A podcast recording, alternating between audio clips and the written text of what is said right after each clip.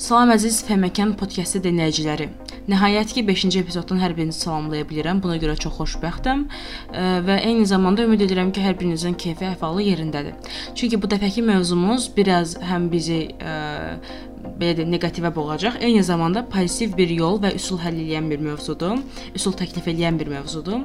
Bu gün biz texnologiyada qadınlar və ümumiyyətlə Azərbaycanda ə, bu məsələnin, bu sahənin inkişafı, gələcək perspektivləri, eyni zamanda hələ ondan əlavə bugünkü günümüzdə texnologiyanın ə, Azərbaycanlı qadınlar arasında aktuallığı, ə, nə qədər insanlar, qadınlar bu sahəyə marağı var, maraqlıdırlar nə qədər deyillər bu barədə danışacağıq və ona görə də bir-birindən ə, gözəl, maraqlı və bir-birindən uğurlu xanımlarla ə, müsahibələrimi təqdim edəcəm. Onların hər biri çox sağ olsunlar ki, səslə birlikdə, səs mesajları ilə birlikdə ə, öz fikirlərini mənə yazıb göndərdilər ki, bu gün məhz Fem Məkanının 5-ci epizodunda biz onları səsləndirək və nəinki Fem Məkanının podkastı olaraq eyni zamanda gələcəkdə öz həyatını və ya öz karyerasını ən azından texnologiya texnologiyada görmək istəyən, qurmaq istəyən xanımlar üçün, gənclər üçün yeni bir yol açaq və onlar da buna başa düşsünlər ki, dünyadakı vəziyyət necədir, Azərbaycandakı vəziyyət necədir və daha necə ola bilər. Əvvəlcə onu qeyd edim ki, ilk yarım başlığımız Azərbaycanda qadınlar arasında texnologiyanın aktuallığı və e, texnologiyada Azərbaycanlı qadınların yeridir. Bu axırıncı cümləmi açıqlayım. Əlbəttə ki, texnologiya kimi geniş bir sahədə Azərbaycanlı qadınları yalnız Azərbaycanlı qadınların fəaliyyətini lupa ilə axtarmaq lazım olar. Çünki bilirik ki, texnologiya geniş bir sahədir və orada nəinki Azərbaycanlı qadınlar, hətta qadınlar, hətta kişilərin özlərinin belə işləri olduqca çoxdur və eyni zamanda çox e, çətinliklə ortaya çıxa bilər. Yəni çox çətinliklə özünü ə, belə deyək, ortaya çıxarda bilər, özünü göstərə bilər və buna görə də mənim sualımın əsas məğzi budur ki, Azərbaycanlı qadınların texnologiya olan yanaşması və Azərbaycanda və ümumiyyətlə dünyada texnologiya ilə qadınlar arasındakı belə deyək, əlaqələr və ayrıca da bizim ölkəmizdə bu əlaqələr necə inkişaf eləyib və bu gün necə inkişaf etməkdədir bununla bağlıdır. Məsələn, ona görə də gəlin biraz ə, e, real, reallıqlarla üzləşək və bu mövzunun ə, e, əsl üzünü görək. İlk cavabımız Bank Respublika şirkətində mobil tətbiqlər üzrə proqram təminatçısı Aytac Dadaşova tərəfindən gələcək. Onu dinləyək və dərhal podkastımıza yenidən qayıdacağıq. Texnologiya dünyasında Azərbaycanlı qadınların yeri dedikdə ə, Belə deyim, yəni xüsusi bir yeri yoxdur mənə görə. Yəni qadınların bir xüsusi yeri olsun və yaxud da ki, ə, kişilərin daha xüsusi yeri olsun. Belə bir şey yoxdur. Yəni düzü digər sferalar üzrə tam da fikrimi ifadə edə bilmərəm. Yəqin ki, təcrübəm buna imkan vermir, amma bəlkə də sırf texnologiya sahəsinə bunu eləyə, aid edə bilərik, bəlkə də bütün sahələrə aid edə bilərik. Yəni qadının və ya kişinin hər hansı bir sahə üzrə xüsusi yeri olduğunu düşünmürəm mən. Yəni bu fərdə görə dəyişir, insana görə dəyişir. Xüsusilə IT sahəsində e, zehni bacarıqlar, zehni biliklərin önəm kəsb etdiyi IT sahəsində, proqramlaşdırma sahəsində bir insan zehninə ə, bilik və bacarıqlarına görə fərqlənir. Yəni bu oğlan ola bilər, bu xanım ola bilər. Ə, bunun heç bir fərqi yoxdur. Ə, onun xüsusi yeri onun bilik və bacarıqlarına görə müəyyən olunur. Yəni mən düşünmürəm ki, ə, bəylərimiz IT sektorunda ə, bir başqa yer tutur, ə, xanımlarımız daha başqa yer tutur. Mənə görə fərq yoxdur. Ə, mənə görə fərq qoyulmamalıdır. Yəni bu fərqi qoymaq, ə, bu ayrımı etmək, xanımları vurğulamaq mənə görə xanımların əksinə bu sahədə geri düşməsinə səbəb olacaq. Yəni fikrimi belə ifadə edim. Əksinə onlara eyni qədər, eyni gözlə baxılsa və eyni qədər eyni düşünülsə, eyni olduqları düşünülsə, mənə görə IT sektorunda qadınlar, xanımlarımız daha belə deyək, önə gedə bilərlər. Dediyim kimi bu sahə ə, sırf zehni biliklərə, ə, zəhmətə, yəni bu kimi bilik bacarıqlara əsaslanır. Yəni burada ə, cinsin heç bir fərqi yoxdur, olmamalıdır, olmasına yol verilməməlidir. Bəli, biraz reallıqlardan danışdıq, biraz ə, söhbətin əsl üzünü gördük deyək. Amma eyni zamanda məsələnin bir digər üzü də var, hansı ki, ə, bu daha obyektiv və daha fərqli bir yanaşmadır. Növbəti yanaşma gələcək GamePons şirkətinin biznes inkişaf üzrə meneceri Fidan Rüstəmli tərəfdən. Görək Fidan xanım bu barədə nələr düşünür və ə, Azərbaycanlı qadınların dünyasına texnologiyanı hansı yerə qoyur? Texnologiya sahəsi nəinki Azərbaycanda, hətta dünyada qadınların az təmsil olunduqları sahələrdən biri kimi hesab olunur. Məsələn, qadınlar hazırda proqram mühəndisliyi sahəsi üzrə ümumi işçi qüvvəsinin 14%-ni, kompüter elmi ilə əlaqəli işlərdə isə ümumi işçi qüvvəsinin 25%-ni təşkil edirlər. Bu tendensiyanın müəyyən səbəbləri var təbii ki. Vəziyyət Azərbaycanda da çox fərqli deyil. Ümumi götürdükdə Azərbaycanda texnologiya sahəsində təmsil olunan qadınların sayı ümumdünya statistikasının təəssüf ki, aşağıdadır. Oyun sektoru da bu nöqteyi nəzərdən çox da fərqli deyil. Təəssüf ki, oyun sektorunda Azərbaycanlı qadınların iştirakı aşağı səviyyədədir. Genpons olaraq oyun sektorunda təmsil olunan qadınların sayını artırmaq üçün bir sıra fəaliyyətlərimiz var və ümid edirik ki, gələcəkdə daha çox Azərbaycanlı qadın oyun sektorunda təmsil olunacaq.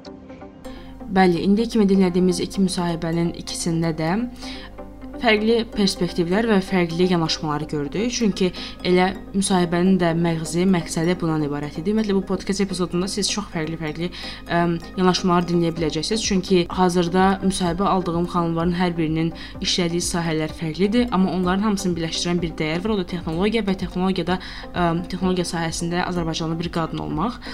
Digər bir müsa müsahibim, digər bir ə, yanaşma gələcək bizə Femtech platformasının təsisçisi və icraçı direktoru ə, Nəzrin Quluzadədən. Onun danışmasında həm reallıqları, həm pozitiv notaları, həm ümidi, həm də digər şeyləri görəcəksiniz. Hansı ki, düşünürəm ki, siz artıq onu dinləyəndə özünüz qərar verə biləcəksiniz. Onda buyurun Nəzrin Quluzadən dinləyək. Salam, ilk öncə ə, məni dəvət etdiyiniz üçün sizə təşəkkür edirəm. Azərbaycanda belə bir platformanın qadınlar qadınlarla bağlı ə, platforma və qurumların yaranmağı çox sevindirici haldır və ə, bu gün Fem məkanın qonağıyam. Ə, çox xoşbəxtəm bu buna buna görə və çox möhtəşəm bir mövzu haqqında danışacağıq bu gün. Texnologiya mövzusu çoxluq üçün, xüsusilə də Azərbaycanda yeni bir anlayışdır və qadınlar üçün yeni bir anlayışdır xüsusilə də desək. Mən bu gün istərdim ki, çox ə, belə deyək, müsbət şeylərdən danışaq, amma bəzi ə, məsələləri də vurğulamaq lazımdır ki, bəzi məsələlərə də mən toxunacağam ki, ümumi reallıqlar, reallığı görək və dəyişdirmək üçün nələrsə addımlar ataq. Ümumiyyətlə ə, yeni bir anlayış, texnologiyanın qadınlar üçün yeni bir anlayış olmağına baxmayaraq, ə, biz gündən-günə ə, bu sahəyə olan marağı artan qadınları görürük. Qızlarımız gənc qızlar daha çox artıq biz görürük UI UX designer, biz görürük data analytics, biz görürük machine learning-dən maraqlanan qızlar. Bunlar çox gözəl hallardır ki, bizdə bu sahədə müəyyən bir artıq nələrsə işlər gedir. Azər bu tək Azərbaycan üçün belə deyək, problem deyək gəlin buna. Problem çatışmazlıq deyil. Ümumi qlobalda da vəziyyət belədir. Qadınları daha çox belə deyək, humanitar sahələrdə ümumi sektor, ümumi ekosistem qadınları daha çox humanitar sahədə görməyə alışıbdır. Və əlbəttə ki, hamımız bu gözəl ifadələrin və ümidverici sözlərin belə deyək, qulu köləsiyik, çünki əslində ə, ümid və texnologiya sahəsində qadınlara inam hazırda Azərbaycandakı qadınların bəlkə də ə, e, ehtiyacı olan məsələlərdən yalnız biridir. Sözsüz ki, biz o qədər dərin bir ə, e, belə deyək sahələrin içində batmışıq ki, bu sadəcə onlardan biridir. Ha, hər biri deyil və ya hamısı deyil. Digər bir müsahibimiz isə Zəhrə İmanovadır. Zəhrə xanım Snapline şirkətində pilotsuz uçuş aparatları üzrə hardware inteqrasiya və test mühəndisidir.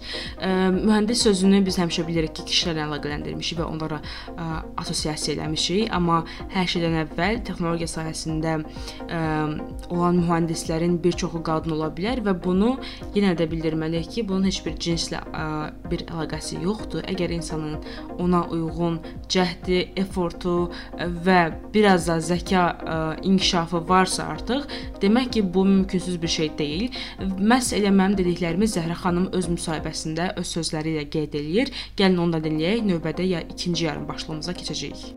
Texnologiya dünyasında nəinki Azərbaycanlı qadınların yerini, ümumiyyətlə qadınların yerini insanlar hər zaman yadırğıyıblar.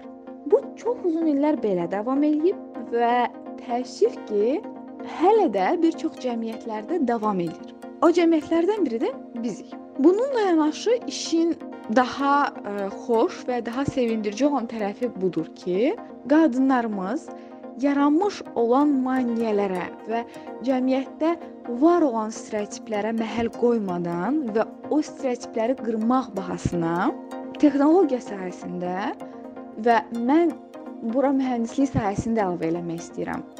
Mühəndis bir qadın olaraq öz ə, sözlərini deməyi bacarırlar. Artıq özlərinə ə, xüsusi bir yer tutmağı bacarırlar. Kişilərlə yanaşı bunu qəbul eləməliyik ki, biz fərqi yoxdur hansı sahə olur olsun, ə, heç bir işin, heç bir sahənin kişisi və qadını olmamalıdır. Yəni cinsiyyətçilik olmamalıdır.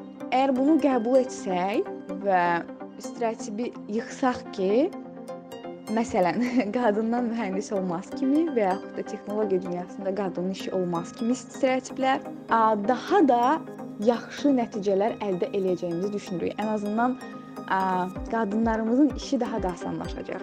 Yəni işlərini görməkdən əlavə o stereotipləri qırmağa və onlarla mübarizə aparmağa çalışmayacaqlar. Hər şey daha rahat və daha yaxşı olacaq. Daha bir yaxşı iş məkanı belə deyim, açılacaq. Və bizim ikinci yarım başlığımıza gəldikdə isə Az əvvəl biz bu gündən danışırdıq. Bu günümüzdə Azərbaycanlı qadınlar və texnologiya arasında olan əlaqə və ümumiyyətlə bu iki anlayışı yan-yana qoyanda gözümüzün qabağına gələn təsvir. Bu haqqda danışırdıq və müsahiblərimiz bu haqqda cavab verirdilər. İkinci yarım başlığımızda isə əsas mövzu gələcəkdə texnologiyada hansı dəyişikliklər ola bilər və gələcəkdə qadın proqramistləri, qadın proqram təminatçılarını, qadın işçiləri və yaxud yalnız sadəcə olaraq texnologiya sahəsində qadın sahibkarları bu sahədə hansı belə deyək, vəzifələrdə, hansı pillələrdə görə bilərik? Bu mövzuda danışırıq. Və biz ilk olaraq bu dəfə Nəzrin Quluzadənin fikirlərini dinləyəcəyik. O öz danışıqlarında əsasən təhsil mövzusunu və təhsil seçimində, təhsili ə, e, orta məktəbi bitirəndən sonra xanımların, nəinki xanımların, eyni zamanda bəylərin, amma bilirik ki, qadınlar üçün mühəndis ola bilərsən, proqram təminatçısı ola bilərsən kimi seçimlər çox qoyulmur və ümumiyyətlə bundan çox danışılmır. Məhz bu haqqda Nəzrin Quluzadə danışıb və öz müsahibəsində bildirib bunun mənfi tərəflərini, müsbət tərəflərini hansı yolla bunun üzərindən ə, bu problemi ümumiyyətlə aşmaq olar bundan danışıb. Gəlin onu dinləyək, növbədə yenidən davam edəcəyik. Və ümumiyyətlə qadınları ə, texnologiyada fəaliyyətini təşviq eləyəcək tək Azərbaycanda yox, qlobalda da müəyyən işlər görülür. Ə, çünki bu tək bizim üçün ə, görülən bir problem çatışmazlıq deyil. Məsələn, hətta böyük korporativ şirkətlərdə belə qadın ə, tek işçilərinin o çatışmazlığını biz ə, görə bilirik. Məsələn, Amazon kimi böyük bir şirkətdə Bu mən indi 2020-nin statistikasını, 2020-nin birinci yarısının statistikasını sizə vermək istəyərdim. Pandemiyadan sonra da mən ümumiyyətlə düşünürəm ki, bu heç dəyişməyibdi də. Hətta qadınlar işsizlikdə birinci ən çox işdən çıxarmalarda qadınlar pandemiya müddətində zərər çəkibdi. Amazon kimi böyük bir şirkətdə qadın texnologiyada olan tek işlərini görən heç bir qadın yoxdur. Amma bu ə, Facebookda, Apple-da, Google-da, Microsoft-da bu faiz elə də çox deyil. 25 ə, 23 ə, 20%, 25% bu şəkildə dəyişir. Görünür ki, bu tək balaca 10 milyonluq bir ölkə üçün olan problem deyil. Böyük korporativ şirkətlərdə də bununla bağlı ə, həqiqətən də görülməsi lazım olan işlər var. 10 il əvvəl, 5 il əvvəl baxsaydıq, heç, ümumiyyətlə heç kəsi görməzdik, heç bir qadını bu sahədə görməzdik.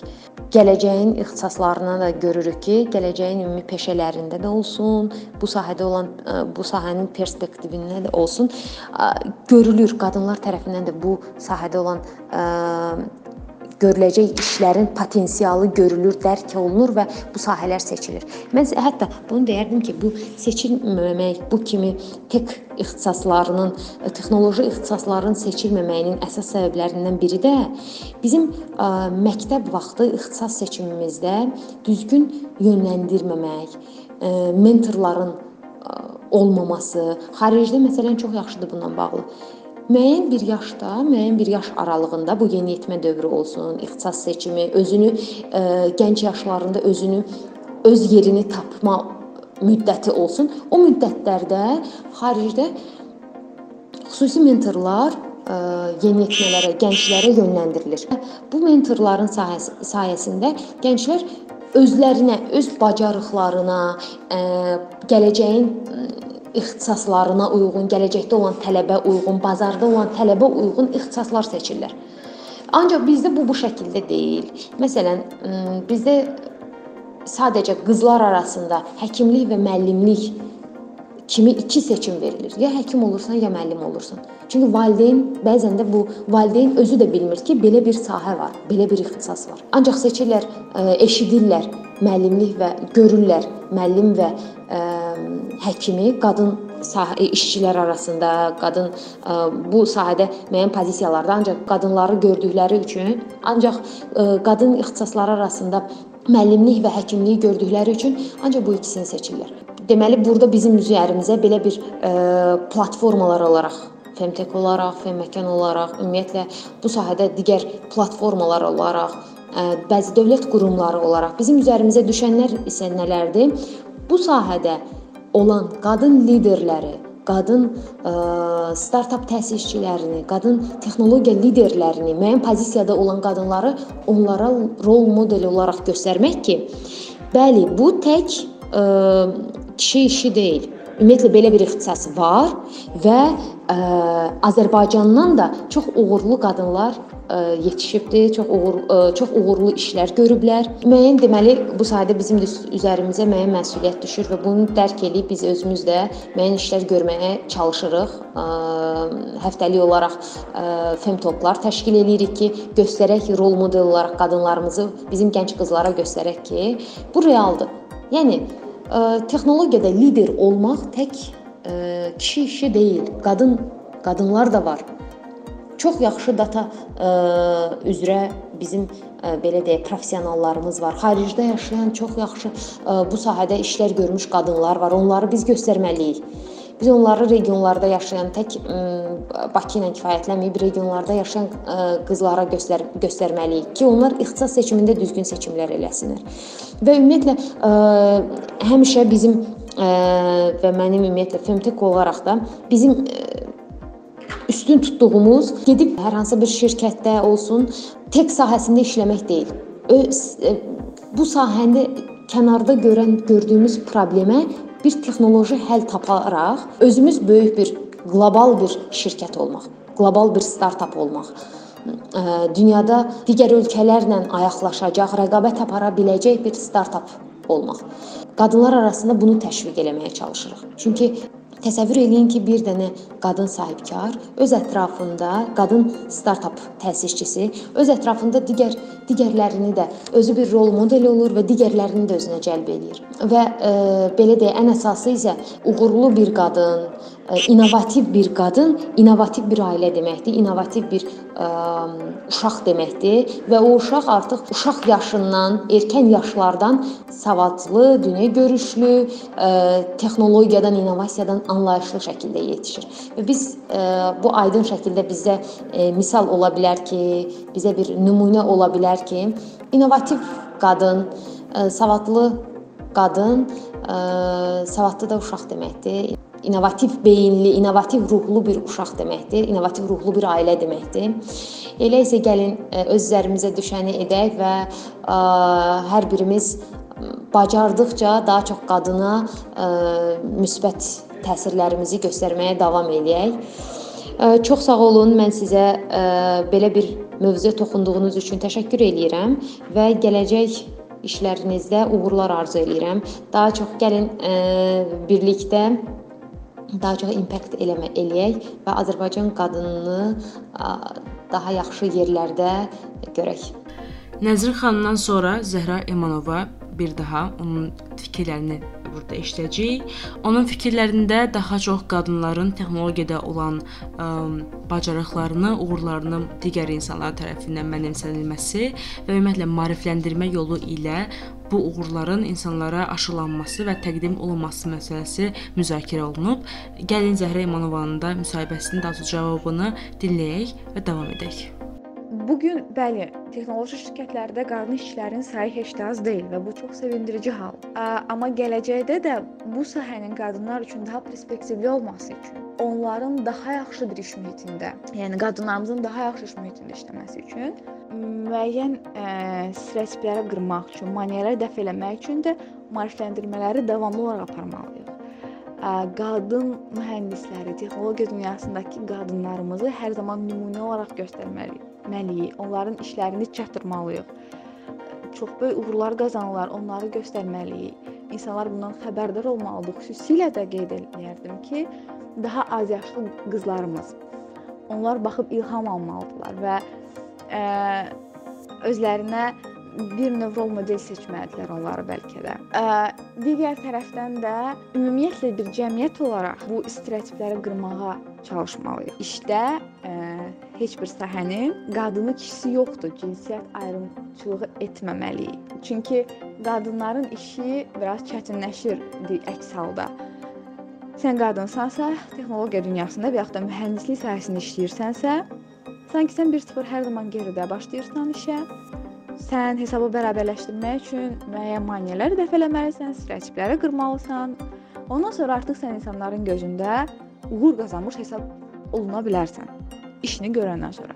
Bütün bunlara da əlbəttə ki, müəyyən bir enerji sərf olunur. Doğrudan da bu gün qeyd etdiyim kimi texnoloji şirkətlərdə qadın işçilərinin sayının çox olması sevindiricidir və eyni zamanda da sevindiricidir ki, qadınlarımız bütün bu problemlərə baxmayaraq öz sözlərini deyə bilirlər, bunlarla mübarizə aparmağı bacarırlar və böyük uğurlar imza atırlar və ümid edirəm ki, gələcəkdə də böyük uğurlara imza atmağa davam edəcəklər. Və biz onların nəinki yerli bazarda, yerli ə, sadəcə Azərbaycanda, ə, xaricdən də, qlobal belə deyək də, müstəvidə də onların adlarını gördükləri işləri tez-tez eşidəcəyik. Növbədə birinci baxışlıqda ə, təqdim etdiyimiz GamePon şirkətinin əməkdaşı Fidan Rüstəmlinin bu haqqda, bu mövzu haqqında, qadınların texnologiyada ə, gələcəyi haqqında suallarımıza cavab verib, gəlin onu da dinləyək. Növbədə yenə davam edəcəyik.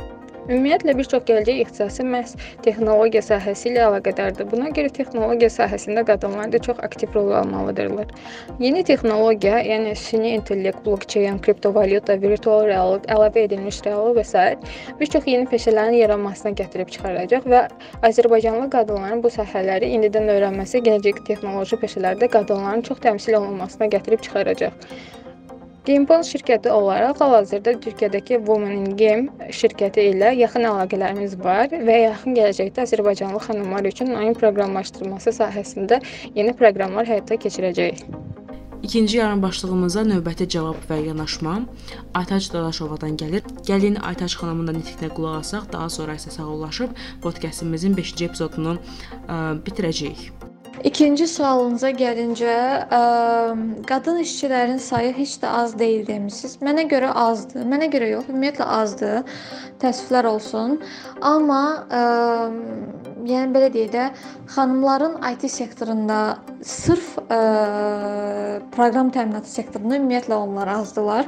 Texnologiya sahəsində bəli, o qədər də az deyillər. Ə, gün keçdikcə artır sayları. Amma sırf mənim sahəmə baxsaq, yəni proqram təminatçısı üzrə mən deyərdim ki, yox dərəcəsindədir. Çox azdır barmaqlansa. Mənim çalışdığım yerdə məsəl üçün mən sırf mənim timimdə ə, məndən başqa xanım yoxdur. Bunun səbəbləri nədir? Bunun səbəbləri ona görə deyil ki, kimsə xanımları burada ayrım salmağa çalışır, xanımları işə götürmür və yaxud da nə bilim xanımların irəli getməsinə əngəl olur və s. Yəni belə səbəblər yoxdur. Bunun səbəbi sırf xanımların özləri ilə bağlıdır. Bu anatomik ola bilər, tibbi cəhətdən ola bilər, bəlkə psixoloji ola bilər. Ümumiyyətlə baxsaq, xanımlar humanitar sahələrə daha çox yönümlü olur. Ədəbiyyat, tarix, coğrafiya, həkim və s. ola bilər. Yəni bu sahələrə daha çox maraq göstərirlər. Səbəbi yenə deyirəm anatomik ola bilər, tibbi cəhətdən nəsə beyin quruluşuna bəlkə bağlı ola bilər. Bunu təbii ki, psixoloqlarımız daha yaxşı deyə bilər. Sanki xanımlarımız düşüncə, zehin, bilik tələb eləyən, riyazi məntiq tələb eləyən sahələri sevmirlər. Sadəcə sevmirlər. Bu onlara çox çətin gəlir. Və yaxud da sevirlər, amma öyrənə bilmirlər. Öyrənmək istəyirlər, amma bacarmırlar. Çünki sırf proqram təminatçısı desək, bu zehni bilik tələb eləyir, riyazi məntiq tələb eləyir və çox çalışmaq tələb eləyir. Bəlkə də bu qədər çətin bir işi öyrənmək onlara çətin gəlir. Saysız hesabsız IT üzrə təhsil alan, texnologiya sahəsi üzrə təhsil alan xanımlar tanıyıram ki, öyrənə bilmədikləri üçün və ya heç bir həvəsləri olmadığı üçün ə, bu sahə üzrə irəliləmirlər. Tamam fərqli bir, yəni bu sahə üzrə təhsil alsalar belə fərqli bir sahə seçiblər özlərinə və orada irəliləyirlər. Sırf texnologiya sahəsinin bölmələrinə baxsaq, ə, işin zehni bilik tələb eləyən, riyazi məntiq tələb eləyən tərəfi artdıqca xanımların sayı tərs mütənasib olaraq azalır. Yəni bunu kimsə qəbul elə eləməyə bilər. Yəni bu amma faktdır. Siz hansı bir statistikanı çıxartmaq istəsəz bunun üzrə, hansı bir araşdırmanı aparmaq istəsəz mənim sözümə gəlib çıxacaqsınız. Yəni bu doğrudan da belədir. Səbəbləri müxtəlif ola bilər. Səbəbləri insandan insana dəyişə bilər, amma ə, çox azdır. Yəni humanitar yönümlü davam etməyi daha çox sevirlər xanımlarımız. Bu həyat tərzlərindən də irəli gələ bilər. Bu səbəbdən ə, xanımların sayı azdır. Yəni xanımların sayının az olması IT üzrə, yəni bu bütün dünyada belədir. Bunun səbəbi sırf xanımların özüdür deyə düşünürəm. Və nəhayətində ümid edirik ki, sizin üçün rəngarəng texnologiya sahəsi ilə bağlı ə, Azərbaycandakı durumu ən azından sizin analiz etməyinizə, mühakimə mühakimənizə ə, buraxan bir podkast epizodu oldu və düşünürük ki, bu 4 xanımın 4 uğurlu texnologiya sahəsində öz sözünü demiş şirkətlərlə işləyən və yaxud artıq özü öz sözünü deyən xanımlarla ə, birlikdə Biz müxtəlif yanaşmalar ortaya qoyduq və bu yanaşmaların heç birisinin düz və ya səhv olduğunu bildirmədik. Öz obyektivliyimizi, həmçinin xanımlar tərəfindən öz müsahiblərimin də subyektivliyini sizə təqdim edərək bu mövzulardan nəticə çıxartmağı, qadın olaraq texnologiya sahəsinə əgər marağınız varsa, bu mövzu nələr edə biləcəyinizi, hansı üsulla, hansı yollarla davam edə biləcəyinizi düşünmək üçün sizə bir yol və belə deyək də bir həll yolu yaratmağa çalışdıq və yaxud da sadəcə olaraq sizə puzzle-ın parçalarını verdik Qalan hissəsini öhdənizə buraxdıq ki, puzzle-ınızı necə görmək istəyirsinizsə, siz məhz o cürə qurun, quraşdırın və mütləq şəkildə əgər texnologiya sahəsinə marağınız varsa, bu gələcəkdə özünüzü bu sahədə görürsünüzsə, mütləq şəkildə bu yolun arxasınca gedin və ə, gender bərabərsizliyinin, müəyyən stereotiplərin sizi əzməsinə və sizi incitməsinə icazə verməyin. Və biz nəhayət ki, Feməkan podkastlarının 5-ci epizodunun sonuna gəldik. Ümid edir ki, gələn podkastlarda da yenə sizi ə, izləyicilərimiz, dinləyicilərimiz arasında görərik və bundan olduqca şad olarıq. Məndən bu dəfəlik bu qədər. Hələlik.